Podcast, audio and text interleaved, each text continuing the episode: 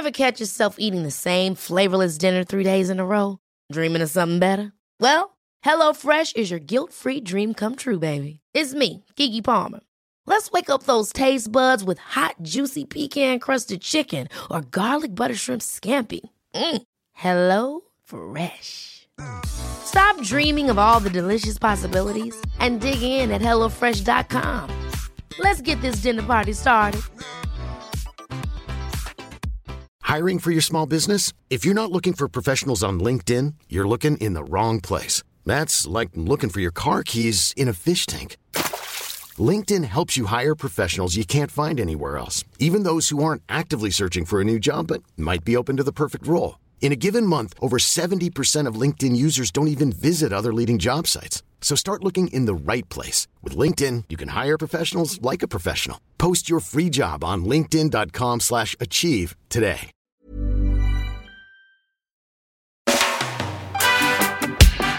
Hej och välkommen att vänta på katastrofen tillsammans med mig, Kalle Zackari Wahlström och Patrik Sellman. Hej Patrik! Hallå Kalle. Hallå eller? Hur går det? Det går eh, sakta men säkert. Det går åt rätt håll fortfarande i alla fall. Skönt. Det rasar inte fortare än jag... Har ni mycket snö? Nej, inte än. Jag sa just till Tingmarie här nu att nu har vi två, tre dagar på oss innan och få undan det där sista som inte har hunnits med. Jag har ju varit iväg och sådär. Innan det kommer 30 centimeter här under veckan då. Så Ja. att, eh, nu kommer det kyla och sen stiger det lite grann till minus 4, minus 5. Då kommer stund istället. Vi får väl minus 20 nu i alla fall. Oj! Ja, det kan jag säga. Det är inte varje år vi har minus 20 grader här. Länge. Vad, vad liksom, eh, eh, håller ditt system för det? Jag får ju allt problem, alltså mycket olika vatten till djuren som fryser och sånt där. Har, har du löst allt sånt eller? Nej, nej, nej. Det är att, att ge dem eh, färskvatten två gånger om dagen det som Ja. gäller. Ja. Jag har funderat på när jag förhoppningsvis får upp ett lite bättre kaninstall här eh, i anslutning till, till eh, ett bygge. Då sätter jag nog in elvattenkoppar till dem. Sådana här, Ja. vad det nu är för voltsystem, men 6 eller 12 voltsystem eller vad det är. Det är ju väldigt smidigt. Jag har det till grisarna och till fåren. Det, det är ju otroligt skönt att det bara, det bara finns vatten. Ja, men det är ju bra för djuren också att det har... eh, För även om du bär, alltså det fryser ju fort vet du. Ja. Vattnet Och speciellt om det är bara 20 minus.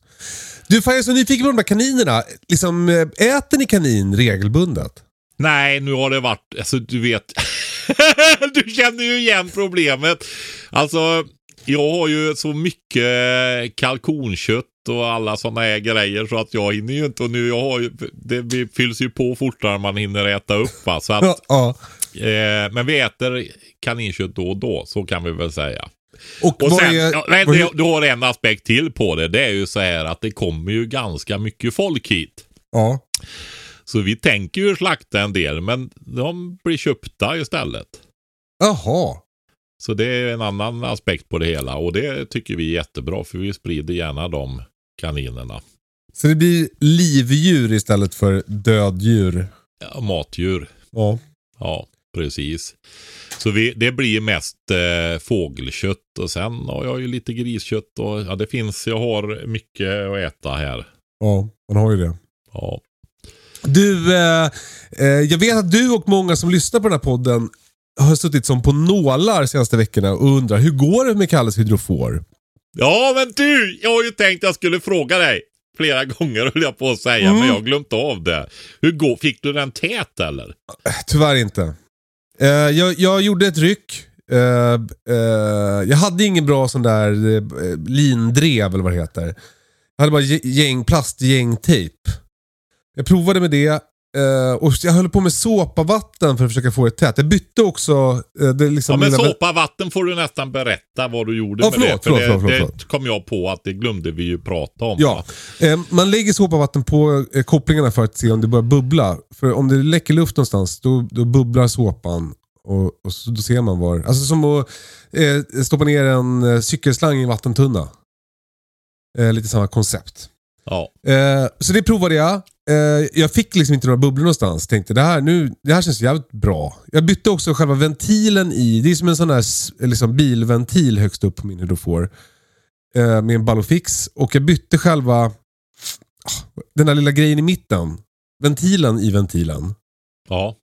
Den, den var det någon följare som tipsade om. Så jag, jag köpte ett sånt kit, någon slags set på internet och fick hem en speciell skruvmejsel och nya sådana där. Och det kändes jävligt mäktigt. Jag kände mig liksom som att jag gjorde allt ordentligt. Och sen så eh, eh, tömde jag ut eh, vatten ur hydroforen, fyllde på med luft och så hade jag underbart tryck i kranen en liten stund och sen så blev det som vanligt igen. Mm. All luft pressades ut och den blev full med vatten. Så att nu har jag skaffat sånt där lindrev och nu kommer jag be- liksom behöva skruva, is- jag skruvar isär alla kopplingar bara och gör om dem. Ja, eh, ja, men precis. Du har ju några större gängningar där va. Men sen Ja. har du ju den här lilla gängningen för ventilen va. Ja. Ja. Där eh, tror jag, där vet jag att våra rörmokare kör med eh, typ Loctite eller någonting Ja, istället. ja. Va? Eh, I den. Sen du, när du, eh, ja. Ja men det blir nog bra, testa det. För Ja. det, jag tänker att det är den där lilla ventilgängningen som kan eh, strula nämligen Mm. också. Men jag skulle säga det där med såpvatten. Det är ju bra också om man har pyspunka på bilen och så vidare och kolla ventiler och sånt där också med det. Just det. Smart. Ja, det brukar gå Såpa med alltid ha saliv, hemma. saliv också i och för sig, men såpvatten är... Såpa ska du alltid ha hemma. Ja. Så är det. Eh, sen har det hänt en annan kul grej. Vi har fått en ny hund. Just det, det har jag sett det. Ja, det är Britta som har skaffat en hund. Eh, eh, jag har ju hundar sedan tidigare. eh, men Britta har inte haft någon.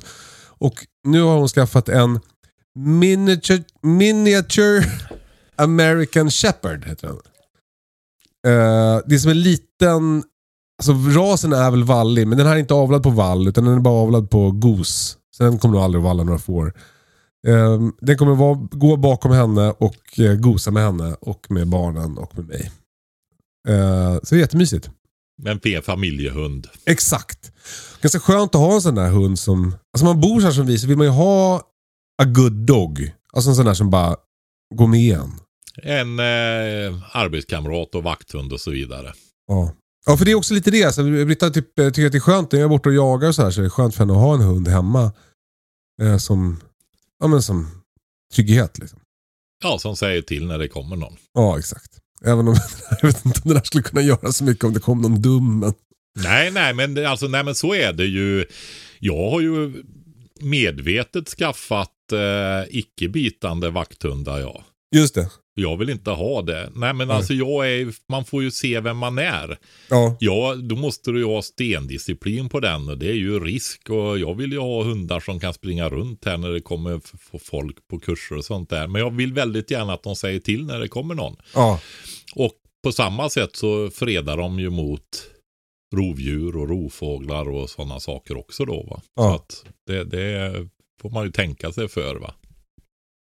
Men det känns i alla fall supermysigt med den här nya hunden. Eh, och eh, ja, men som lite skönt för balansen här hemma också. Att det inte bara är jag som har djur längre.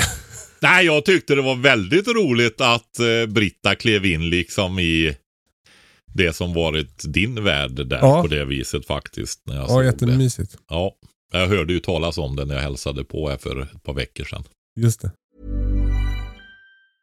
I'm Sandra, and I'm just the professional your small business was looking for. But you didn't hire me because you didn't use LinkedIn jobs. LinkedIn has professionals you can't find anywhere else, including those who aren't actively looking for a new job but might be open to the perfect role, like me. In a given month, over 70% of LinkedIn users don't visit other leading job sites. So if you're not looking on LinkedIn, you'll miss out on great candidates like Sandra. Start hiring professionals like a professional. Post your free job on linkedin.com/achieve today. Hold up. What was that? Boring. No flavor. That was as bad as those leftovers you ate all week. Kiki Palmer here, and it's time to say hello to something fresh and guilt-free. Hello Fresh. Jazz up dinner with pecan-crusted chicken or garlic butter shrimp scampi. Now that's music to my mouth. Hello Fresh. Let's get this dinner party started. Discover all the delicious possibilities at hellofresh.com. There's never been a faster or easier way to start your weight loss journey than with PlushCare. PlushCare accepts most insurance plans and gives you online access to board-certified physicians who can prescribe FDA-approved weight loss medications like Wigovi and Zepbound for those who qualify. Take charge of your health and speak with a board-certified physician about a weight loss plan that's right for you. Get started today at plushcare.com slash weight loss. That's plushcare.com slash weight loss. plushcare.com slash weight loss. Eh, du Patrik, den här veckan är ju vi sponsrade av... Ja. Det är Vilka? ett lite speciellt avsnitt faktiskt. Ja, men det är ju så här. Jag kan väl säga det med en gång då. Att vi är sponsrade av en, de kommunala energirådgivarna i Sverige. Kul! Ja. ja, men du vet, eh, jag har ju varit iväg och föreläst, föreläst en del i, under hösten här. Ja. Och eh, en turné gjorde jag ju nere i sydöstra Sverige. Det var Färjestaden. Ja, det, ja, Borgholm, det var Hultsfred och Vimmerby då. Och det, det var faktiskt en eh, sån eh, energirådgivare där nere som eh, kontaktade mig ganska tidigt för att boka in det här. Eh, för han såg tydligt kopplingarna mellan beredskap och eh, hur ja, energianvändningen i hushållen då va Just det. på olika sätt. Allt ifrån solceller till eh, minskad energianvändning och energieffektivare hus och alltihopa det här. Och det, det är det ju verkligen då. Men det som var roligt också det är ju det. Han är ju en eh, kommersiell småbrukare dessutom. Alltså han har ju några hundra höns ute på bete på eh, och levererar ägg. Jaha. Han eh, har byggt upp ifrån ett hushållsmejeri så har han byggt upp ett eh, med rödkullor och jag tror någon annan lantras också utav kor då så har han byggt upp ett eh, mejeri som producerar yoghurt. Oj, han- det var imponerande. Ja, det var det. Fan. Jag tyckte det var... eh, han hade ordnat det jättebra där och hade jag vetat innan då hade jag nog prioriterat ett studiebesök hos han. Jag hoppas jag får möjlighet att komma tillbaka någon gång. Alltså jag känner mig hotad nu, men vad, vad tar han i marklyft?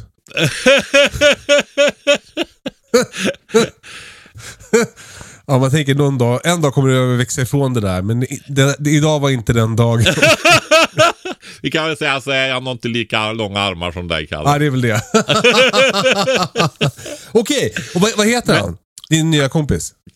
Han heter eh, Daniel Hägerby. Okej. Ja, och han, Ja.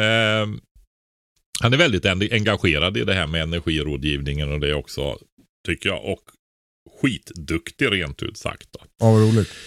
Eh, nej, men vi, har, vi kan prata en hel del om det här då. Så förutom de här fyra föreläsningarna så bestämde vi att vi håller kontakt och så ser vi vad. Och det roliga det är ju det här att efter att vi hade planerat det här då så kommer det ju ut till energirådgivarna att de har ett beredskapsuppdrag också.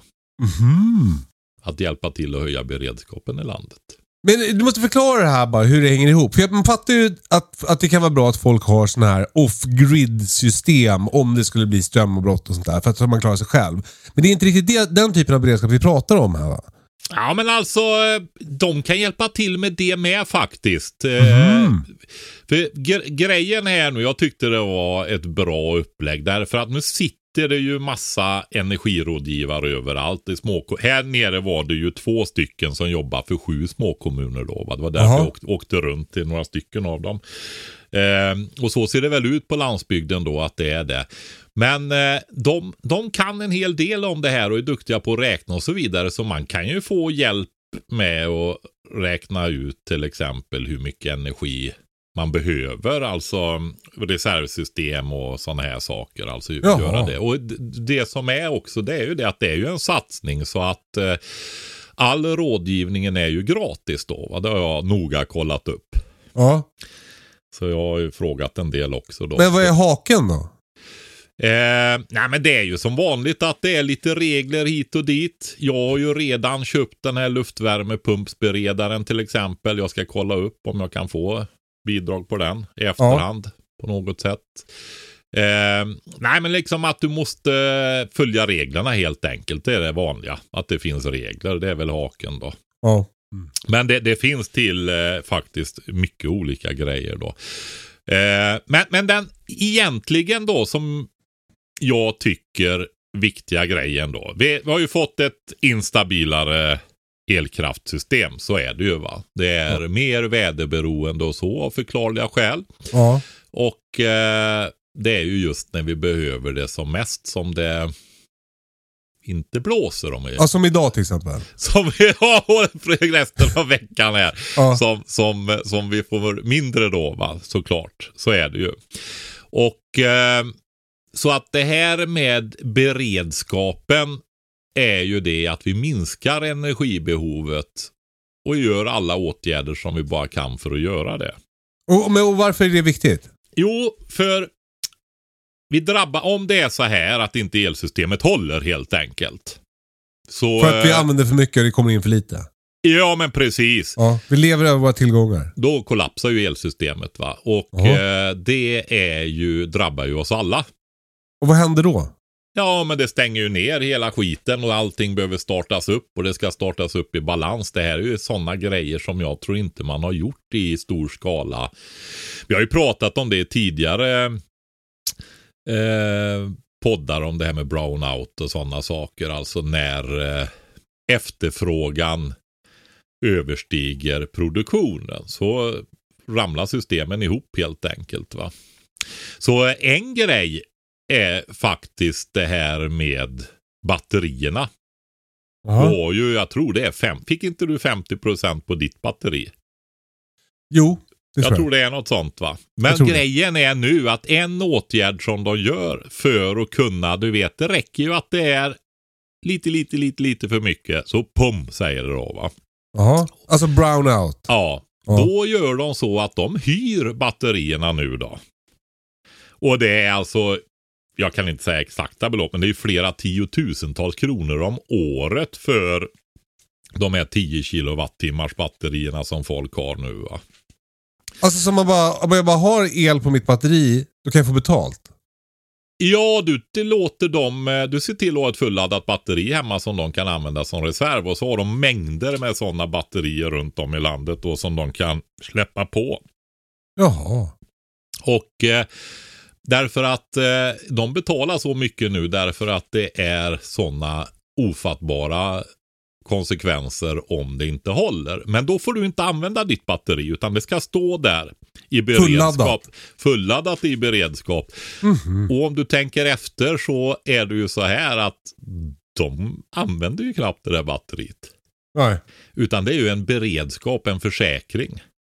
Alltså som att Så eh, du alltså staten tar, tar, en försäkring hos mig. Jag vet inte, jag tror det är energibolagen faktiskt. Men jag är inte helt säker på vem det är. Men det går ju lätt att ta reda på om man är intresserad av att hyra ut det. Va? Ja. Men eh, eller om man ska bygga en anläggning så är det här ju en del av kalkylen. Du kan ju hyra ut ditt batteri i ett par, tre år kanske. Jag vet inte hur länge man kan förlita sig på det. För jag, när jag hör de här siffrorna som jag hör så blir det ju, tänker man ju det att nu bygger ju någon upp batterihotell och sådana här saker. Va? Just det.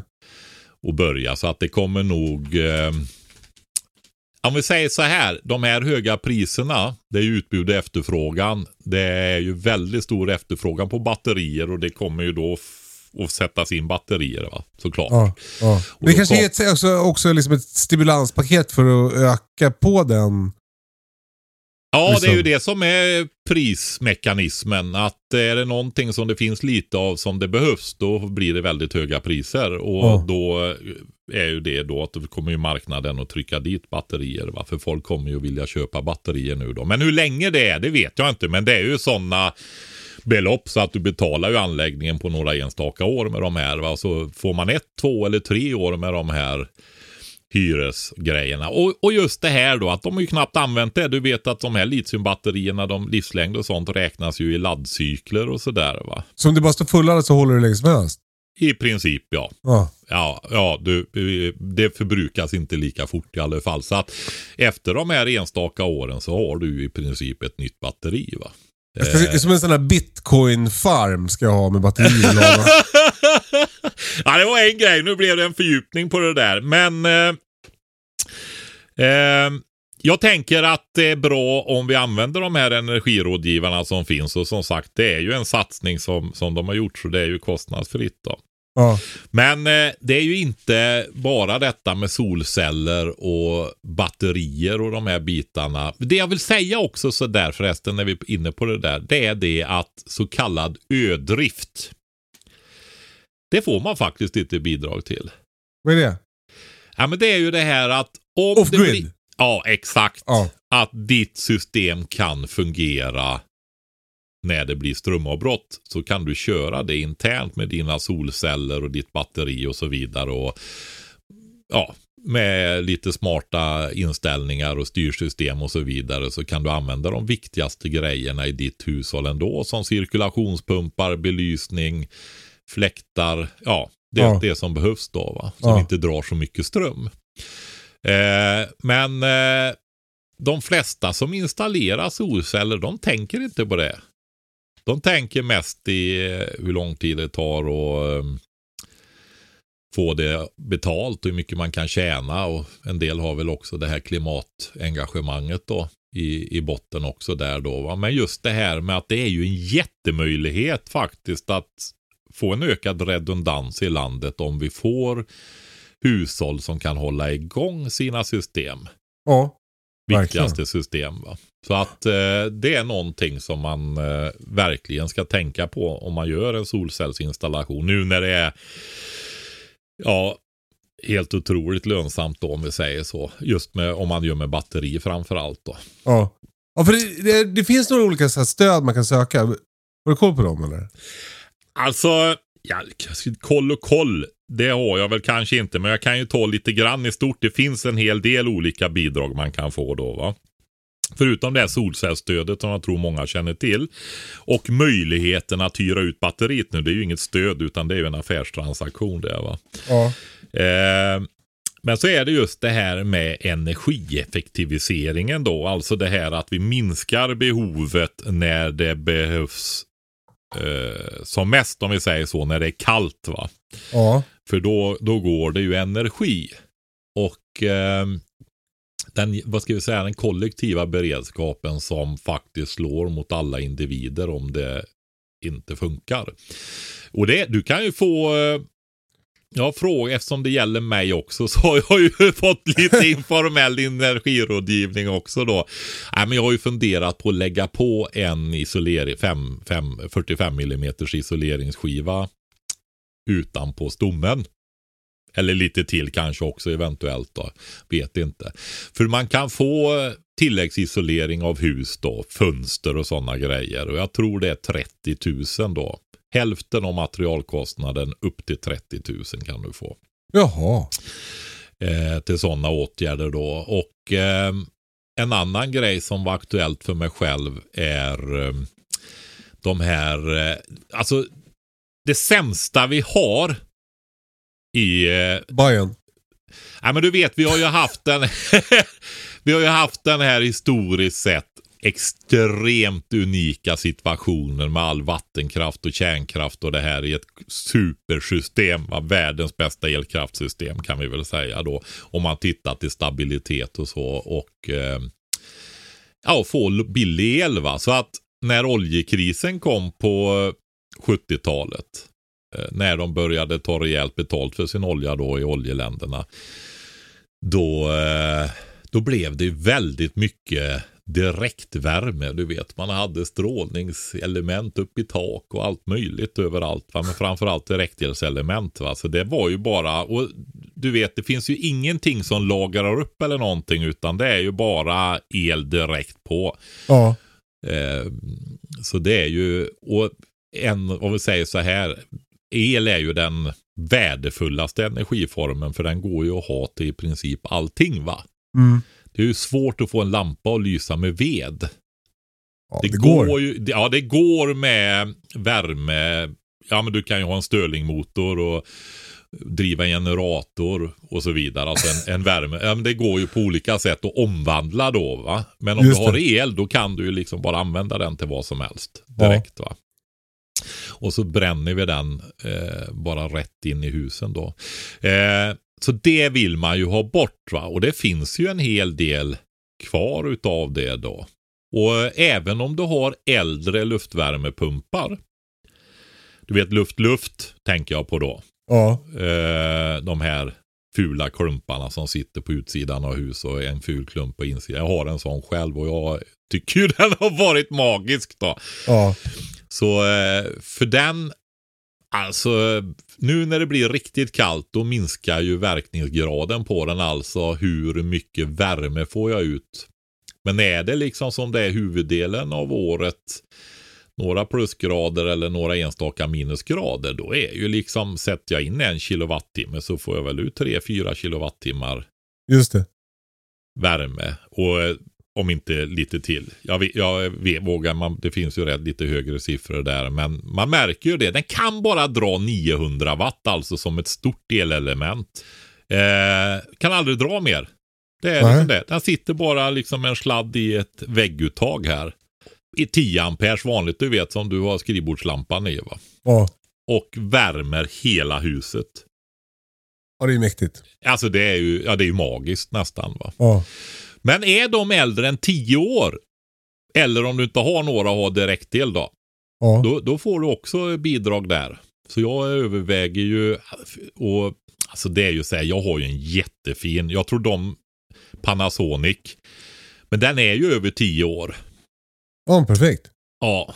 Och jag tänker väl egentligen säga att den kan, väl, den kan ju gå länge till för det är sån bra kvalitet. Va? Det är ju liksom de bästa de här eh, japanska märkena och en del svenska och sådär. Det finns ju de. Sen finns det ju lågprisprodukter att köpa också. Det har jag haft en i snickeriet faktiskt. Ja. En från Jula. Men de har en högre lägsta förbrukning då. Va? Så att de drar mer ström de där rackarna då. Så att jag tror inte de är billigare över livslängden egentligen. Utan det är inköpskostnaden som är rejält låg då. Okej. Men i alla fall, eh, grejen är ju det här. När det är som kallast i vinter nu, det kan ju bli en riktigt kall vinter. Börjar ju så här i alla fall nu då. Så eh, går den sönder. Alltså den i snickeriet? Nej, den inne i huset här. Och eh, så ringer man och ska beställa en. Och då är det ju alla andra som, och det är kö och du får den om sex månader mitt i sommaren. Åh, sånt. nej. Ja men du vet. Visst, jag, jag, ja men det är ju det. Jag har ju direktelselement som sitter kvar på väggarna som jag tror fungerar. Jag har aldrig, aldrig använt dem nästan va. Eh, De är ju som en reserv för när vi skulle resa bort. När vi bara hade Tullikiven då va. Ja. Men jag har ju också vedeldningsmöjligheten. Men som jag sa, jag köper ju ved. Och eh, det är ju billigare för mig att köra med luftvärmepumpen i de här moderatare temperaturerna. Va? Än Ja. att elda med den. Så att jag eldar ju med den för att hålla torrt och få huset att må bra. Ja. Men framförallt nu när det blir riktigt, riktigt kallt. Då. Men tänk dig det att stå där, där och så får jag, du kan få en till sommaren. Och då är, tänker jag så här, kanske man ska byta ut den när man ändå kan göra det. Jag vet inte om man kan lägga den som reserv här så länge ja, men nästa vinter kommer du vara nöjd om du har, beställ- om du har den. Ja, eh, ja men exakt. Exakt. Så eh, jag ska fundera på det där lite till om vi ska göra det. För det blir ju ändå en del pengar. Va? Men man kan få 50% också där upp till 30 000. Har jag fått reda på i min lite informella egna privatrådgivning då. Va? Men är man, funder, går man i sådana här tankebanor och vill göra detta. Både för att få en investering där man får halva kostnaden täckt när det gäller tilläggsisoleringen där så tänker jag att eh, det är så stora grejer med fasader och sånt där så att 30 000. Ja, jag tänkte precis säga det. Det är du tilläggsisolera ditt hus? Det kostar skitmycket. Ja, du måste byta alltså loss det- panelen. Och... Ja, ja precis. Så Jag du tejpa dit isoleringen på utsidan på panelen? nej, men, eh, nej, men det kan man väl säga att den typen av åtgärder är väl mer om man behöver åtgärda panelen, brädfodringen, ytskiktet på något sätt. Va? Så, Ja. så kan man passa på att utnyttja det här samtidigt då. Just det. För att underlätta det med Ja. isoler- alltså lägga tilläggsisolering och sånt också då. Va?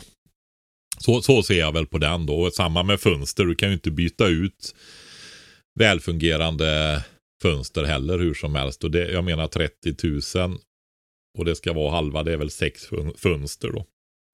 Ja, jag köpte sådana här tätningslist till några fönster häromdagen. Ja. Du kanske kan dra av halva den kostnaden då? då? Nej, ja. Alltså 150 kronor. Nej, men om man ska göra, det är ju ändå pengar de där man kan få där. Så att, eh, men framför allt också så tänker jag så här, att man kan prata med dem för att få räkna, få siffror på saker och så vidare. Som jag tror att många, ja men, jag har ju varit grundskollärare, jag vet väl att de flesta inte har jättelätt för det här med siffror. Känner, ja. Eh, så att det är jättebra att använda sig av de där då till det och se Ja. vad det är man kan göra. Och de, de vet ju vad som finns också på ett helt annat sätt. Då. Ja. Och men hur går man tillväga då om man vill ha hjälp av en energirådgivare? Ja, det finns. Jag tror... Jag frågar faktiskt eh, Daniel det här om eh, alla kommuner har energirådgivare. Han trodde att i princip alla har det. För annars är det ju så som de är med småkommunerna att de hyr in sig hos någon som har. Va? Ja. Så att det går att få eh, hjälp med det. För det kommer att ta tid att eh, stabilisera upp det här energisystemet och det är nu eh, så att det blir riktigt jättepålitligt igen då. Vad kostar elen idag? Alltså, jag kan, nej nu gick jag ifrån, men nu börjar det ju nypa i lite. Det har ju legat på, säg 1,30 till knappt 2 kronor de senaste dagarna när jag har kollat. Okej. Så är det. Så att det kan nog. Eh, men nu skulle. Det, de har ju ökat straffavgifterna för om de ställer ner kärnkraften. Eh, För av någon anledning så ställer de ju ner kärnkraften mitt i vintern. Varenda år. Det var ju någon... Eh, eh, det var ju någon... Ringhals tänkte med en reaktor nu för att det var något konstigt med en ventil. Ja, men det var ett sånt där kortstopp på några dagar där. Så den Ja, tror jag är igång eller ska igång Och de alldeles. botade upp den i morse sa de på radion. Ja, precis. Och det gör ju att då sjunker ju priset med en gång då. Va? Ja. Men nu blir det som sagt, jag vet väl inte bara vi som får minus 20 grader här uppe på berget utan det blir väl lite överallt. Så att... Men då blir det ju varmare igen sen med 4-5 så den ligger, det blir ju ingen sån där långvarig kyla som det har kunnat vara förr då. Nej. Då har man ju liksom haft det här minus 10, minus 20 i ett par månader vet du. Just det. Det är... Eh, det är ju mentalt påfrestande liksom. Jag tror jag har tagit upp det någon gång förut det här med min... När jag var barn och såg den här Månbas Alpha. Det var en serie på 70-talet och det var så spännande och jag har sett det på YouTube. Något av det. De sitter i en sandlåda och spelar in det här när de visar månens yta och så vidare. Se, man ser ju det hur tydligt som helst nu vet du. Men när man satt och tittade på det på 70-talet där som barn då var det Men just det här att de var inne i sin bas va. Och när de skulle gå ut då var det livsfarligt. Ja, ja. Men den känslan lite grann får man ju det där att när det nyper i hela tiden och det inte släpper liksom. Ja. Måste jag dricka lite här Kalle för jag har torr halsen. Tur man har sitt kaffe. Åh, vilken tur. Eh, men du, eh, eh, du sa aldrig klart om hur man kontaktar om man vill ha hjälp av Ja, en men det, man, det, man, jag tänker att man eh, googlar energirådgivare helt enkelt. Söker på internet och eh, för sin kommun. Eller ringer sin kommun och frågar vad man kan nå. Då, för många kommer det väl att bli att ja, vi samarbetar med Torsby och de är här då och då de dagarna i veckan. Eller ring till det här numret eller något Ja. sånt där. Så kan man ta vara på det. Ja, men vad, vad, vilken bra jävla service ändå. Ja, men det är det nog. Och eh, jag tänker att eh, de som går i de här tankebanorna tar vara på det här nu. Både med bidragen och med rådgivarna. Därför att eh, vi behöver ju hjälpas åt med det. Alltså att minska energibehoven då när det blir så vi inte råkar jäkligt illa ut rent ut sagt. Va? Ja. Så det är en solidaritetshandling. Ja det är det också förutom att du har möjlighet att göra besparingar och sånt då. Ja. Både En så kallad no-brainer säger jag. Ja, lite grann så är det. Eller ganska mycket så är det faktiskt. Så att jag, jag tycker att vi ska börja utnyttja den möjligheten. Och det var ju syftet med att vi gjorde det här samarbetet med podden. Vi ska se om vi kan samarbeta mer. För eh, det, ja, jag har ju ett tioårsprojekt att höja beredskapen i, i, i landet och det Ja. syftet med den här podden är ju det också. Och eh, Vi ska se om vi ska kunna samarbeta på fler sätt faktiskt eh, framöver då för att hjälpas åt. För jag har sett att ja, men det är ju roligt. Både när folk hör av sig till mig angående föreläsningar. Jag föreläser ju från första september till första april. Sen har jag inte tid. Eh, då hjälper ju folk till att höja beredskapen genom att hjälpa mig att ordna det där så man kommer ut. Ja. Men det här med Daniel här och klimatrådgivaren är ju ett annat sånt där sätt som hjälper till att höja beredskapen i landet. Då. Både på hushållsnivå men som jag ser kanske framför allt gemensamt att vi får bättre eh, uthållighet och redundans i de stora systemen. Som vi behöver hålla igång faktiskt. Sen kan man ju diskutera varför vi hamnar där och så vidare. Men nu är vi här va? och då får vi försöka lösa det. Eh, tack energi och klimatrådgivarna Ja, och för att ni sponsrar den här är... podden. Och eh, heja er, bra jobbat. Ja, definitivt. Och jag hoppas att de ska få jobba mycket då. Det lär de få göra. Ja, men jag tror det faktiskt. Ja, gärna att man sprider det här också till vänner och bekanta om man hör det då, om man diskuterar det. Du hade en ljudfråga där också va? Hej Kalle och Patrik och tack så jättemycket för en väldigt fin omtanke om oss alla och vår överlevnad. Jag har tre teman som jag vill ta upp med er eh, med lite frågor. Eh, det första är det här med bin och konkurrensen med våra vilda pollinatörer. Eh, där finns ju till exempel något som kallas för nektarstöld. Och det är ju när det blir en hög konkurrens om blommorna i ett område eh, som vissa bin framförallt då och även vissa då korttungade humlor gnager hål på sidan om djuppipiga blommor för att då kunna sätta in sin lite kortare sugsnabel och suga ur nektarn ur de här blommorna.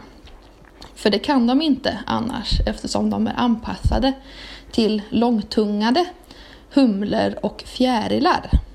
Eh, och det här ser jag, man, för man kan se de här hålen när man är ute eh, och rör sig i naturen och jag tycker jag ser det här ganska ofta nu för tiden. Det här tycker jag är någonting som är väldigt intressant just kopplat till biodling. Hur vet ni biodlare att ni inte överexploaterar ett område? För det här är ju ändå en exploatering av naturen. En begränsad naturresurs som är väldigt viktig för just fjärilar och långtungade humlor som vi ser minskar väldigt i antal. Har ni någon koll på det? Biodlare sinsemellan, att ni inte är för många? Ja Patrik. Mm. Eh, jag kommer pausa frågan där, för vi kommer fortsätta med flera teman. Ja, Men har ni, jag är inte biodlare riktigt, så har ni biodlare koll på det här? eh, alltså Till att Det- börja med, jag visste inte att, det fanns, att de hade olika långa tungor. Det låter jättegulligt med en liten humletunga. Ja, men så är det ju vet du att eh, blommor ser ju olika ut och de har ju liksom som en liten, ja det är, det är ju en tunga så man kan ju inte säga att det är som en snabel men de sticker ju ut den där och de är olika långa och det är ju viktigt när man till exempel håller på med fröodling och känna till sådana saker då. För det är ju, bina har ju lite kortare tunga då. Så att rödklöver till exempel kan inte bina pollinera för det är för långa rör i dem. Det är därför det är så mycket snack om vitklöver och inte bara klöver.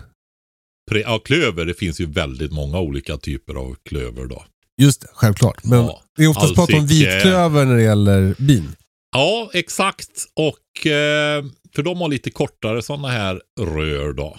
Men då är det ju så att eh, humlor biter hål i sidan. Och det gör även långtungade humlor vad jag förstår. På rören för att lättare komma åt. Och då kan bina komma åt nektarn där med. Men vad som händer när de biter hål i sidan på de här rören då för att komma åt nektarn som ligger längst ner eh, bättre det är ju att då blir ju pollineringen sämre. Ja. Eller uteblir. ja, för de är liksom aldrig inne och joxar omkring med ståndare och pistiller. Utan de... Nej, exakt. Eh, och eh, när man tittar på det här, det, det är ju så här generellt sett när det gäller våra odlingssystem, vad det än är.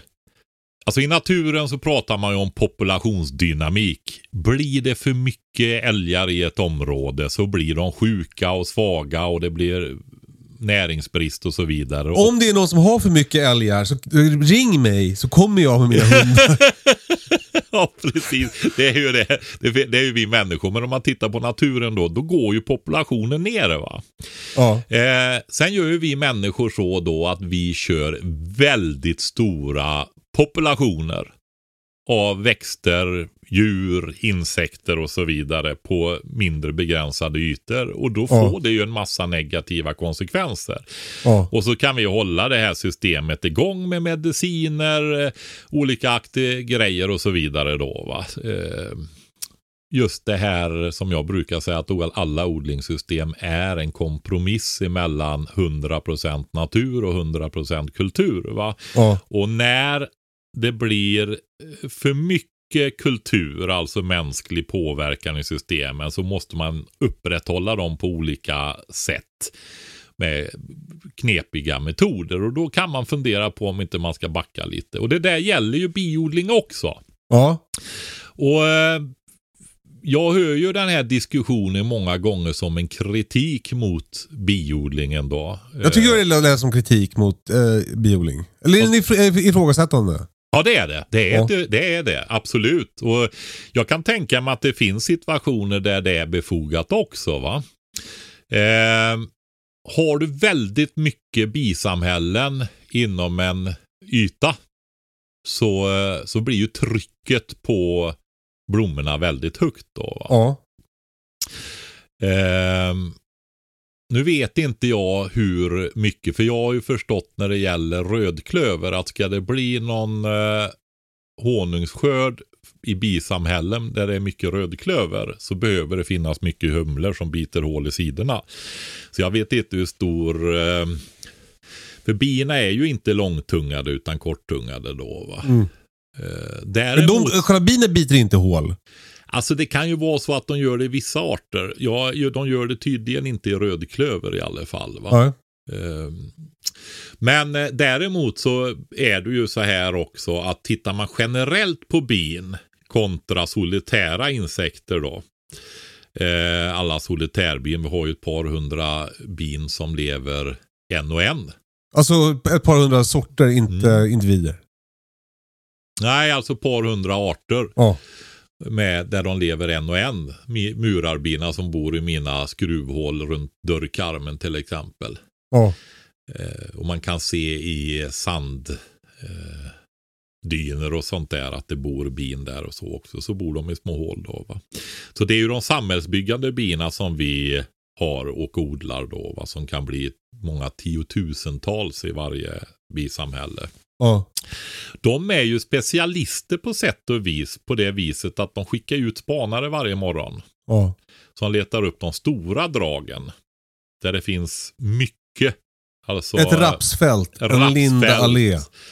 Många lunnar, säljar på ett ställe, vad du vill va. Men, eh, eller att det är eh, lushonung i granarna till exempel. Då kan de dra på det va. Så att då åker de ju hem och berättar vad det är. Och då flyger bina bara rakt dit och tillbaka hela tiden. Till stora, de är de stora arbetshästarna kan man säga när det gäller det här i naturen då.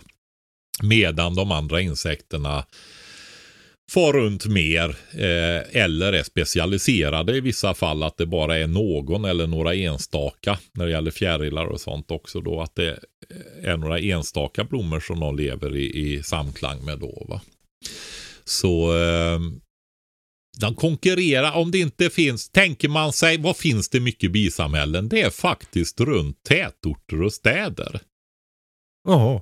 Annars finns det ju inte så jättemycket bisamhällen. Det har du stora yrkesbiodlare som har hundratals eller ja, 500 till 1000 också finns väl de som har i Sverige idag.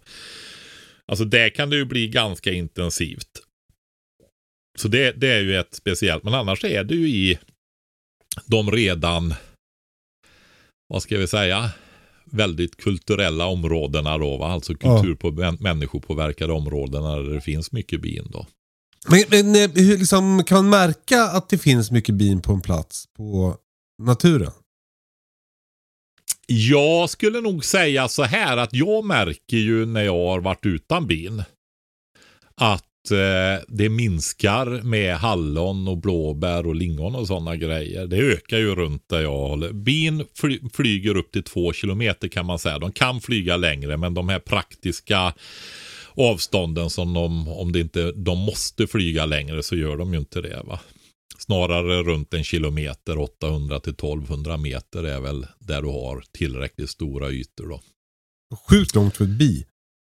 Ja, men de flyger ju ganska fort. Då. Nej, de är ju arbetsamma, så är det ju. Ja. Och det, du har ju det här med avståndet, hur mycket energi går åt att hämta och så vidare. Va? Oj då, nu flög jag så långt så att det gick åt mer energi än vad jag fick med mig hem. Det var dumt. Ja, och det gör de ju inte va. Det är återigen som när jag jagar älg. Ja, nej men alltså det är ju klart eh, en sak, men jag tänker att det är det där generella, alltså ska man ha hållbarhet och tänka på de här bitarna så behöver man ju ha mer sansade lösningar och det gäller även bin. Ja. Så, så är det va. Så att jag, jag tycker väl att eh, men när du sa, vi, vi kan ta den andra frågan, jag trodde du skulle fråga den. Märker du när du odlar bin ifall det är för mycket bin? Ja, Ja. det gör man. Är man i skogsbygder som jag här till exempel så vi brukar man försöka hålla sig kanske till 6-7 kupor per eh, bigård. Och så har du i alla fall minst två kilometer, gärna uppemot två och en halv, tre kilometer mellan varje bigård då. Ja. För då om du gör cirklar på två kilometer så blir inte överlappningen så stor då va.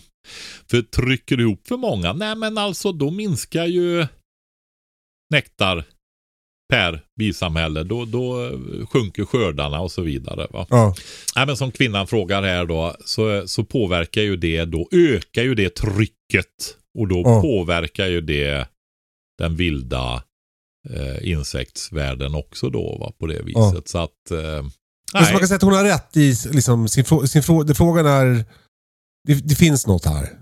Absolut, Ja. det gör det. Och och det gör det ju på allt vi håller på med. Att gör vi för mycket, det är det där vanliga du vet, för mycket är dåligt. är dåligt. För lite är ju också ofta dåligt, utan balans lagom. Bevingade ord signerade i Väntan på katastrofen. Ja. För mycket är dåligt. Allt. För mycket skämmer allt. Nej men så är det. Så att det är verkligen något att ha i åtanke. Men det gäller som sagt all verksamhet. Men just det här också att bina rent generellt skulle konkurrera så himla mycket med, med det vilda insektslivet. Det är klart att det finns en överlappning men det är inte så påtagligt som man kan tro just på det här att de är så specialiserade på att vara effektiva. Va? Det här med spanarna, dra på de stora dragen. När det blir ont om nektar, när det är torka och sådana grejer, då blir ju kampen stenhård om det lilla som finns och då påverkar det ju. Va? Ja. Så är det självklart. Så det, Du, eh, Patrik, tack. vi lyssnar vidare på frågan. ja, Hon säger så här. Och så efterlyser jag också att få någon typ av märkning eh, där man kan köpa honung som faktiskt behövs. För det behövs ju pollinering till all vår mat. Och jag vill ju verkligen eh, bidra till att köpa honung där, till ett rapsfält till exempel som får bättre skörd eh, av att det finns bin där. Men jag vill inte köpa honung odlad i skogen som har konkurrerat med våra fjärilar och våra humlor.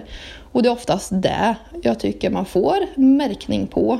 Eh, så där vill jag gärna efterlysa också. Eh, och sen tänkte jag en annan sak eh, och det här med kalorier. Eh, jag tycker ju precis som dig Patrik om att göra diverse olika drycker. Och eh, jag tänker på det här med just att få i sig tillräckligt med kalorier eh, om det blir en besvärlig situation. För länge sedan eh, så har jag läst att man drack väldigt mycket. Just för det är ett väldigt lätt sätt att få i sig mycket kalorier utan att för den delen äta kött. Men man vill ju inte vara rund om fötterna hela dagarna om det skulle bli en sån besvärlig situation. Så vad skulle du då rekommendera? Eh, hur bra håller sig äppelmust att pastörisera? Eh, eller andra bär? Till exempel är det kanske bättre med svarta vinbär som har mycket antioxidanter. Kan tänka mig att de kanske håller längre då. Eh, ja, vad, vad är bäst där och eh, bästa förvaringen av dem också. Ehm, och så tänkte jag också till sist ge ett tips. Innan vi ska lyssna på det här tipset så får du nu svara Patrik. Eh, dryck. Kalorier i form av dryck. Mm. Men hon var inne lite grann där också på eh, med bina det där och märkning och så vidare. Jag skulle nog säga så här att eh, det största problemet i skogarna är nog monokulturerna när det gäller insekter och blommor och så vidare. Det är nog inte biodlingen där det inte finns så mycket biodlare heller. Va? Utan eh, jag tänker om hon är noga med vilken honung hon äter så ska hon nog köpa direkt av en biodlare som hon vet hur den odlar. Och det blir ju då, om det ska vara en som hon tycker är bra, så blir det ju oftast en med mindre och utspridda lite bi, bigårdar i en eh, miljö då. Va? Ja. För som sagt, eh, Eh, ja, men vi kan lämna den där då. Så går vi, så sa vi det här med kalorier och drycker. Ja, men alltså det är ju så här, vi har ju pratat mycket om det, att det är kaloribrist som är svält, det andra är näringsbrist och så vidare. Och det, det är ju så.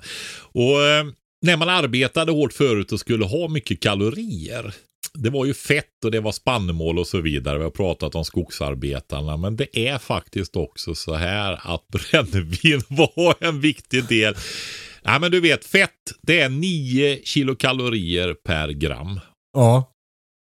Eh, kolhydrater är 4. Om man gör grova överslag här då. Ja. Alkohol är 7.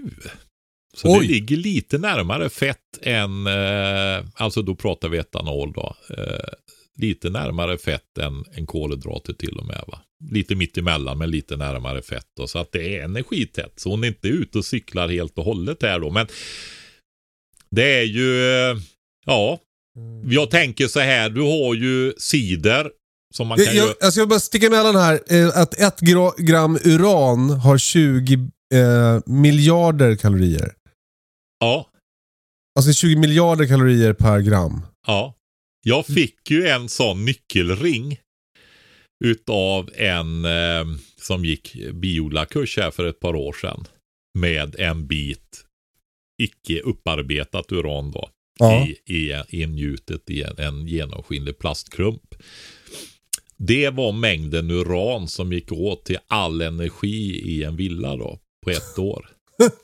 ja, Den var ja. några millimeter i, i eh, kvadrat. Då. Så är det. Oh, oh. Så, jo, det är lite bättre än det. Men det är svårt för oss att ta upp den energin i form av processer i kroppen. Ja, det känns svårt. Ja. Det kanske kommer bara alltså, passera igenom. Det är ju så här att göra drycker. Jag gör ju, jobbar ju mycket med det. Ja. Eh, göra äpplevin och äpplecider och sådana saker. Jag skulle ha gjort päronsider i år men eh, vi fick en riktigt fin päronskörd. Men det blev faktiskt torkade päron istället. Alltså mm -hmm. så otroligt. Alltså det där har, tänk jag har hållit på i 30 år. Jag har haft päronträd i alla fall. Ja, 10-15 år som har gett frukt ordentligt. Och ja, det har gått mig förbi. Och to man torkar ju äpplen och håller på med detta. Men jag har inte torkat päron. Jag har bara gjort inlagda päron hela tiden. Va? Ja. Och det är mest inläggningsgråpäron och det här som jag har haft då. Men nu har jag ju stora fina päron också. De ett päron om man säger så. Jag har ju sex olika sorters päron här. Men då kom en av småbrukardeltagarna här med torkade päron. Så vi har gjort så mycket torkade päron i år så det är helt otroligt. Då, Alltså det är ju, ja, ni måste prova det om ni inte har gjort det. Gör man bara skär skivor och, och hänger ja, upp? Ja, jag gjorde ju så. Det är ju ganska små kärnhus ofta i päron faktiskt. Så att jag gjorde så här att jag körde med på, på mandolinen. Ja. Men jag efterhand då, jag vill ju att de ska vara lite segare och sådär va. Så att eh, jag gjorde lite tunna i början. Ja. Men jag valde att lägga mer tork till, för då torkar de ju fortare och går åt mindre energi och det är massa fördelar med att ha tunnare. Va? Just det. Men jag gjorde så tjocka som möjligt nästan och torkade dessa och la mer och fick, alltså det blir så gott. Det är så nästan som mango, papaya och sådana där grejer. Mhm. Alltså. Ja, Kul. rikt, ja, riktigt smakrikt och, och sött och gott blir det alltså. Vad bra tips. Ja, men eh, tillbaka till det. Därför att med, med alkoholen där då, för jag förmodar att det var det hon menade. Eh, jag skulle säga att det framförallt är eh, för att det är konserverande också. För tittar man på vad som händer så är det ju faktiskt eh, inte bara så att det blir alkohol eller att det blir en energiupparbetning i vätskan utan det kommer ju att gå åt. Va? En av de eh, biprodukter som går iväg är ju koldioxid.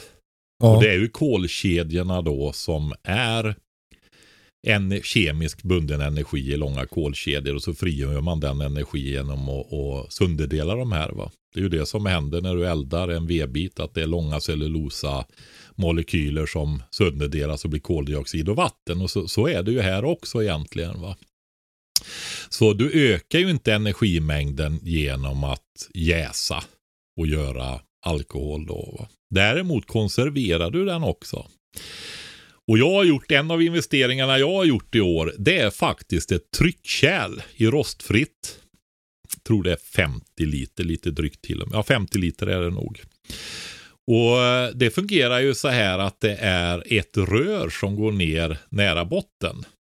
Ungefär som i fat till eh, dricka och öl och sådana grejer då. Så går det ett rör ner och så går det upp i en pip med en, en kran på där. Där det Ja. går att tappa av. Och eh, lägger du must i den där då. Då kommer ju alltså det att börja jäsa.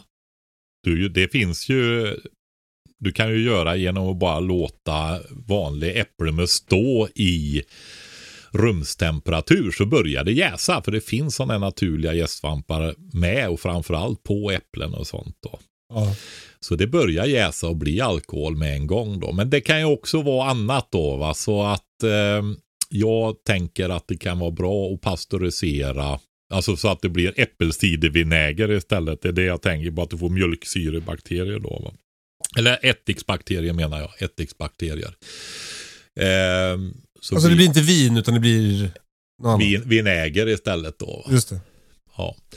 Och det är ju då att då har det gått ett steg till. Då har det kommit ättiksbakterier som gör om alkoholen till ättika istället. Va? Ja.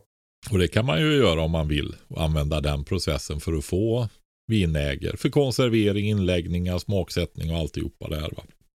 Men eh, vill man ha dricka, ja en del dricker ju vinäger utspätt med vatten också. Men som cider eller lätt, lättcider eller must då, så är det, kan det nog vara bra att pasteurisera den här och sen tillsätta lite jäst då. Va? ja. Eh, Och pasteurisera är att hetta upp den. Ja, precis. Just för att ta bort de här eh, bakterierna då. va. Det får man titta i tabeller, det har jag inte i huvudet. Men det är ju inte att koka den i alla fall för då fördärvar du ju för mycket. Utan du höjer till en viss temperatur en viss tid, 70-80 grader en viss tid då, så, så har du bra resultat. Eh, men det går också att köra naturellt. Jag har gjort det och det har fungerat och, och det har inte alltid fungerat. Men många gånger har det fungerat. då. Eh, när du häller musten i en sån där rostfri tryckkärl då med det där röret ner till botten som går upp i en kran så är det ju så att när den börjar jäsa så bildas det ju koldioxid. Det är ju det där kluckande ljudet du vet i jäsröret. Ja. Jag har ju precis varit och lärt dig att brygga öl. Mm. Kluckar den fortfarande den där hinken eller? Mm. Lite långsammare nu kanske? Ja, var, jag har inte hört det på ett tag, men jag utgår från att det gör det. Ja, men, nej, men det kan lugna ner sig för du har ganska varmt där så det kan ha jäst relativt fort vet du. Är det klart då eller? Eh, ja, det, kan, det är det absolut. Ja. Det har ju gått ett par veckor, så, men ett par, tre veckor. Det är ofta tre, fyra veckor, men det kan vara klart på ett par, tre också då. Men hör ifall det jäser fortfarande då, eller inte om det kluckar någon gång. Så låt det stå tills det sedimenterar också och jästen lägger sig på, det är ju överjäst, det är ju ale du har gjort. Då kommer vi in på det. Ja, men det är ju också en jäst dryck i och för sig. Ja, ja. Och kaloririkt. Ja, och kaloririkt är det och även väldigt näringsrikt på många sätt. Då. Eh, nej, men du har ale är ju överjäst öl. Då ligger, får du ju gästen och ligger på ytan och jobbar. Lager är ju en underjäst öl. Då har du gästen ner i istället. Men när den här överjästa börjar bli färdig då sjunker ju gästen ner och lägger sig på botten som en bottensats. Då, då ser man att det, och det börjar klarna och sådär. Då är det, då är det Dags. klart. Ja, precis. Men, men, Men- frågan var ju då bara om man inte vill dricka alkohol. Ja, vänta då. Det, jag, ska, jag ska ta det med den här, för jag eh, eh, har en liknande enklare metod. Jag tror jag har tagit upp den i podden förut. Men i alla fall säga att när det jäser då bildas ju den här koldioxiden då, det som kluckar. Men här kommer den ju inte ut va. Nej. Utan när den kommer upp ovanför ytan i luftlagret som är där så ökar ju trycket där helt Mm. enkelt. Och eh, det trycket i kombination med en mindre mängd alkohol gör att jäsningsprocessen stannar upp. Speciellt om du ställer den kallt dessutom. Då, va? Och då löser sig ju koldioxiden också i musten så att du får kolsyra. Jaså? Så då kan du gå dit och vrida på kranen. Trycket fixar det själv genom jäsningsprocessen.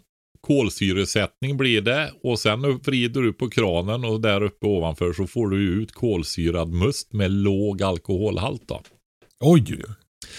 Så eh, ja, det är, eh, ska jag testa. Så ska, målsättningen ska vara 50 liter om året. Då. Men förra om året så har jag gjort så här att jag fryser i petflaskor musten då. Ja. Men då är jag ju beroende av det. Eh, att jag har tillgång till frysar då va. För du skördar ju innan det börjar bli många minusgrader ute. Mm. Och eh, så har jag en flaska inne som jag har låtit komma igång med jäs och jäsa som har fått stå i rumstemperatur. Och sen när den är liksom igång och det är mycket jäst i, då ställer jag den i kylskåpet. Då lugnar ju jästen ner sig va. Ja. Eh, och sen när jag vill ha sån här eh, mousserande, alltså jag tycker det är helt det är bland det godaste som finns att dricka just den här låg alkohol. Det är nästan ingen alkohol alls i, men det har ju börjat bli eftersom det sker för att det ska bli koldioxid som löser sig och det blir mousserande kolsyrad must. Då bildas ju små mängder alkohol. Va? Eh, så då brukar jag ju ta ur den här som jag har i kylskåpet där jag har jobbat igång så att det ska gå fortare. Så byter jag en deciliter på den jag har tagit upp från frysen och tinat. Så jag matar den där moden i kylskåpet och tar en deciliter med jästsvampar ifrån den då till den nya. Så får den stå där och jäsa tills den blir hård. Och då ställer jag in den i kylskåpet också, den nya då. Eh, Vadå för- hård?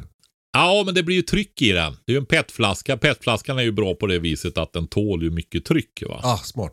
Ja, eh, den är ju gjord för kolsyrade drycker. Ja. Och eh, när den blir hård så är det ju för att det har jäst i den och bildat kolsyra som har gått upp i luften ovanför och så har det blivit ett så högt tryck och så börjar det lösa sig. Men ställer du den sen då i kylskåpet då löser sig ju koldioxiden lättare i vattnet. Va? Det har ju liksom, ja, eh, koldioxid går ju ner i haven när temperaturen sjunker och tvärtom. Va? Nu Mhm. drivs den ju upp ur haven i atmosfären då, va? för temperaturerna stiger. När det blir mot istider så kan det, förra gången höll det ju på att slockna de gröna växterna, förra istiden. Då var det nere i 180 ppm för haven sög upp koldioxiden. Va? Vid 150 ppm så räknar de med att de gröna växterna dör då. Åh jävlar. Ja, så vi har 30 ppm ifrån att de gav upp. Men i alla fall, eh, så gör man. Så det kan man då omsätta i en petflaska med äpplemust. Att du ställer den kallt så får du mer kolsyra i då. Det är vanligt att champagne serveras kall och, kall och även Coca-Cola om man inte gillar avslagen Coca-Cola då som en del gör. Men, eh, men just att det är ett ka- kaloribehov. Men det där med att dricka eh, istället för att äta. Mm. Eh, det finns ju många sätt att diskutera på det där. Men en sak om man vill ha i sig mycket hon var ju sån, lät ju mer åt det vegetariska hållet. Om man vill ha i sig mycket näring och energi på... Varför lät hon åt det vegetariska hållet måste jag fråga? Därför att hon sa att man inte behövde äta så mycket kött då. Ah, ja. Mm. Eh, då är det ju så att göra gröna drinkar på sommaren. Alltså Mm. blad och sånt innehåller ju väldigt lite energi. Ja. Sallad är ju 100 kilokalorier per kilo. Vet du. Det är ju Mm. liksom ingenting. Va? Du får äta 20 kilo för att få i kontorsbehovet. Liksom. Ja. Men om man då istället mixar det där och har även i någonting med vattenlösliga fibrer i så det blir lite krämigt.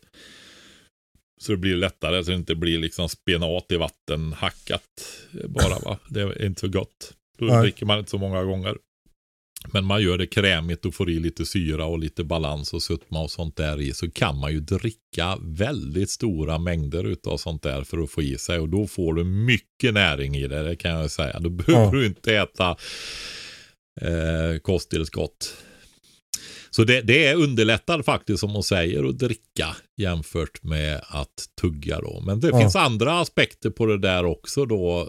Eh, Hälsoaspekter och sånt där. Att du får väldigt snabbt tillgänglig energi med insulinpåslag och så vidare. Så att många menar att det är bättre att äta hela frukter än att dricka också då. Så det, det är alltid det där, pros and cons. Ja. För och nackdelar med allting. Va? Men jag, jag gillar ju, tycker att det är ett trevligt sätt att konservera frukt. Det är att göra must och sån kolsyrad must då. Ja. Så nästa år ska vi testa, även om vi får lika fin päronskörd som i år, så ska vi testa att göra päronsider också då. Gud vad spännande. Eh, men då fick du några bra tips där på eh, icke alkoholhaltiga kaloririka drycker. Ja, eller väldigt låg alkohol i alla fall. I princip alkoholfria är de. Du, eh, nu lyssnar vi på sista delen av frågan. Eh, och det är eh, på tygblöjor. Eh, för det har jag nämligen använt eh, länge. Jag har två barn och mitt äldsta barn är tre år och har nu slutat med blöjor. Men eh, några av de äldsta blöjorna som vi haft eh, i då snart, ja men i mm, tre år eh, på, till två barn och som jag dessutom köpt begagnade Eh, är eh, av ett märke som heter Alva Baby. Och det vill jag verkligen tipsa om. De har alltså sina resår jättefint kvar. Och de används ju ungefär 70 gånger per år i tre år. Det är kvalitet, verkligen. Eh, så att det var de... Det är ett tips. Ett tips. Och så tänkte jag också säga det, jag provar nu och använder minijordkällare. Det ska bli kul att testa. Jag har odlingar här nu på en vanlig villatomt. Eh, och eh, just åter till det här med eh, drycker också. Tänkte ta lite tid också att odla upp tillräckligt med äpplen. Du var inne på det här med att göra vin utav palsternackor. Skulle de kanske passa också till att göra någon must på? Det vore intressant. Fler ettåriga grönsaker som passar sig till eh, att göra dryck av. Tack så jättemycket. Ha det bra. Hej! Men nästan som en podd i podden. Ja, men jag tyckte det. Nu körde vi ihop den med, med energirådgivarna här. För jag tänkte det blir balanserat, annars kanske det blir för mycket om vi ska köra våran timme. Men hon, henne, jag hade nästan tänkt att vi skulle kört hennes eh, fråga som ett poddavsnitt. Ja. Vi, vi brukar ju inte vara jätteförtjusta i när frågorna blir alldeles för långa. Men hon hade ju så mycket bra frågor här så jag tänkte kan Och göra ett tips det. också. Det är en, Ja. eh, några speciella tygblöjor som är extra bra. Ja, Eh, jo men de har ju blivit mycket bättre. Har du kört tygblöjor? Jajamän, vad tror du? Du när jag var i, jag blev pappa när jag var 23 du vet. Vi gick där med våra Muddimums broschyrer och kollade vet du.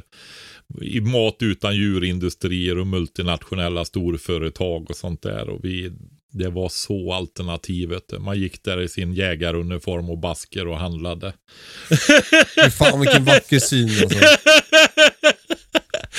Jo, det är klart vi hade tygblöjor Ja. till... Eh, En bra fördel med tygblöjor det är ju att de blir fria från det väldigt fort. Alltså de är ju så oerhört effektiva de här moderna blöjorna så att det är bekvämt. de, de, skit, de skiter ju i om de skiter höll jag på Ja, att ja, du menar eller så. Ja. Ja. precis. Men har de tygblöjor så blir det ju lite obekvämt när den blir mycket Full. kiss och sådär. va. Så de Ja. vill gärna lära sig och gå på pottan istället. Så det finns ett tydligare incitament för barnet att sluta Ja. blöja. Men hon pratar ju om de är mycket modernare och bättre tygblöjorna nu då. Då kanske de inte är lika obekväma. Alltså vi har ju kört eh, bara eh, eh, vitmossa. Alltså vi har inte haft tygblöjor heller för vi tycker att tygblöjsindustrin är... Vi vill inte gynna den. Nej, du menar med bomull och allt det här och mycket Jag bekämpningsmedel. Vi körde helt vanliga blöjor. Och... Helt vanliga jävla blöjor har jag kört på alla mina barn. Eh, eh, döm mig gärna. Eh, vad fan var sista frågan hon ställde? Ja, jag vill säga en sak om det. vin! Ja, men jag vill säga en sak om blöjorna där också. Ja. Alltså, det är, ja, min, min son har ju fått sin första son nu då. Mm. Han är Nathanael här, han är drygt, drygt ett år nu då. Snart ett. Ja, jo, men nej, men han har ju fyllt ett år ganska nyligen här. Han är ett år och några månader. Eh, vi pratar ju på det där med tygblöjor och sånt där och jag tror de testade det också.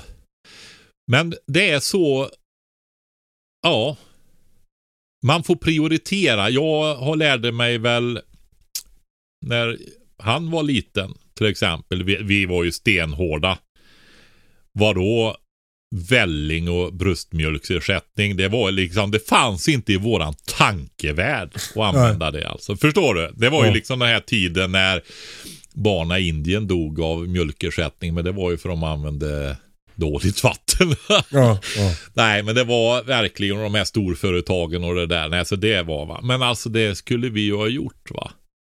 Förmodligen så fick han lite för lite mjölk. Så han var, hade ju, var ju orolig på grund av det då va. Så vi skulle ju definitivt ha använt mjölkersättning där va. Så att just det här man, nu var jag ju väldigt ung då. När man är så extra idealistisk och sådär va. ja. Det är ju så. Min son han är lite modernare och nu med lite äldre då så han är ju klokare. Han sa det nej. När jag ska prioritera och jag ska lägga min energi på och få saker att rätta till, eller räcka till här. Så inte tusan lägger jag det på tygblöjor. Nej. Ja men exakt. Så, så att eh, jag dömer inte dig hårt. Jag tycker att det kan vara väldigt klokt. Eh, alltså man får välja och prioritera sina strider någonstans. Va? För att det är ju mer jobb och energi och hålla på med det. De är ju väldigt enkla och bekväma moderna blöjor. Mm. Men jag använde tygblöjor och vi var väldigt nöjda med det. Och barnen då, vad hade de? Men du, de bor i hus. eh, Alltså du, du sa så här. Du sa jag använder tygblöjor. ja, du menar hela den vägen? Ja. Ja. ja, ja, ja. Nej, det var väl på barnen vi använde Just dem, Kalle. misstänkte det. Ja. Eh, men du, eh, Palsternacks must då? ja. Förutom att det låter som någonting som en häxa ger ett barn i en barnbok. Ja, men har du aldrig druckit rödbetsdryck och sådana grejer? Jo. Du har ju mjölksyrade sådana produkter som finns också. Kvast till exempel. Det är ju väldigt, i den östra europeiska kulturen så är ju det väldigt vanligt. Syrlig dryck. Så att visst, det går absolut och jag tror, nu har jag aldrig prövat, alltså jag, det jag har druckit när det gäller rödbetor det är ju mer det som är kvar i, eh, när man har syrat gjort mjölksyrade rödbetor. Alltså Så- juicen liksom. Ja, då blir ju juicen, vätskan kvar där. Och den går ju att dricka. Det är faktiskt inte alls obehaglig att dricka utan riktigt trevlig. Mhm. Så Och- eh, Men om det är någon som, har lyssnat, som lyssnar på podden som har gjort Palsternacks must eller någon annan sjuk must. Hör av er. Så eh, det vore kul att veta. ja, hur- nej men alltså på det här viset, det går ju att göra på sådana drycker på det här viset och det går väl att mjölksyra palsternackor också. Verkligen. Så får du, det är en bra dryck, mjölksyrad dryck då som också blir eh, konserverad med hjälp av lågt pH då. Är det kombucha du pratar om nu? Nej, eh, nej det är det inte. Det är ju något te mer som en, en svamp där som omvandlar som ligger nära. Det här är ju mer mjölksyrebakterier då som Okej. jobbar när du mjölksyrejäser. Taget. Så att det går verkligen att göra drycker utav det som går att mjölksyrejäsa också då. Patrik, Ja, tack för idag. ja, men då får vi väl eh, tacka energirådgivarna i Sverige för det här samarbetet. Verkligen utnyttja den här tjänsten nu. Det är ju svinlyxigt att det finns. Alltså det, Ja. det skulle kunna vara så att ingen brydde sig om att du har jättehög hög elräkning. Men nu råkar det vara så att det, det anbelangar oss alla. Därför har då kommunerna eh, inrättat den här funktionen. Så passa på att utnyttja det medan det finns. Ja, Alltså, det skulle kosta miljarder att anlita ett proffs på riktigt. Tror jag. Så det är ju svinbra. Mm, det är det. Får vi se om vi hittar fler eh, samarbetsformer här för att hjälpas åt med att höja beredskapen i landet på olika sätt. Men det här är, är definitivt ett sätt, då, både på individnivå men också för oss allihopa då, samhällsnivå för att hålla igång systemen då. Så är det. Eh, och lycka till med tygblöjorna Patrik. Ja, Eh, hoppas du vänjer av snart. Ja. Fortsätt Nå- mejla frågor. Någon gång blir det. Men du, jag får väl säga, jag vill säga det också då, för jag Ja. har tänkt göra i flera veckor och glömt av varje gång. Just det här med eh, föreläsningar då. Jag har eh, diskuterar eh, med eh, en resa norrut. För det är det här om jag kan göra turnéer och stanna Ja. till. Då kan jag ju hålla nere priser och sånt där. Vad än att jag ska åka 70 mil liksom och ha en föreläsning. Det blir ju en dyr föreläsning. Va? Det går ju Just det. ett par dagar för det. Eh, så jag ska bland annat ner till eh, eh, Marinmuseum i Karlskrona den 31 januari. Så där håller jag på att försöka täcka upp runt den då. På nerresa och uppresa och sådana där grejer under den veckan då. Och Du bor i Värmland, så kan ni tänka er hur Patrik kommer köra ungefär. Ja, och jag har några på gång där. Men sen är det också en diskussioner i Norrland också. Ända upp i övre Norrland då. Oj.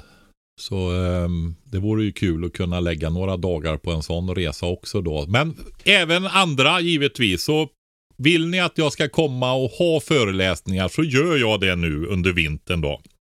Fram till första april. Så vi håller på. Jag har även några bygdegårdsföreningar nere i Västergötland som jag ska köra ett par föreläsningar där nere.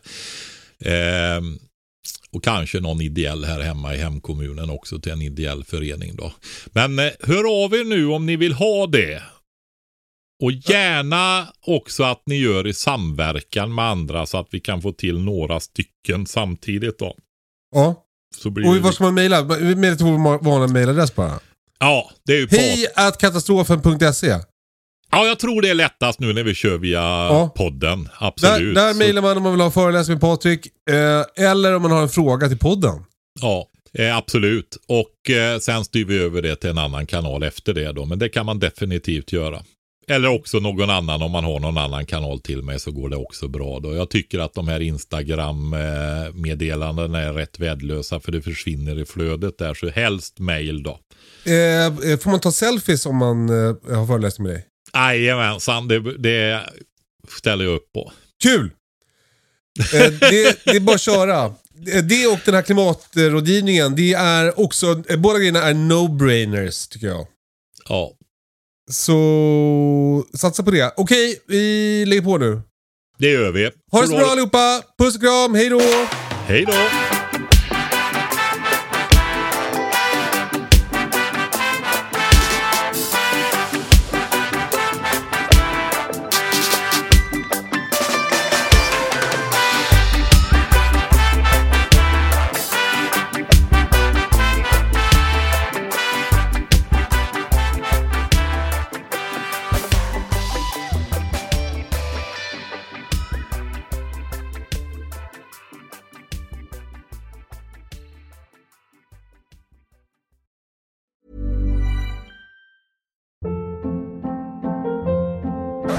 Hold up. What was that? Boring. No flavor. That was as bad as those leftovers you ate all week. Kiki Palmer here, and it's time to say hello to something fresh and guilt-free. Hello Fresh. Jazz up dinner with pecan-crusted chicken or garlic butter shrimp scampi. Now that's music to my mouth. Hello Fresh. Let's get this dinner party started. Discover all the delicious possibilities at hellofresh.com.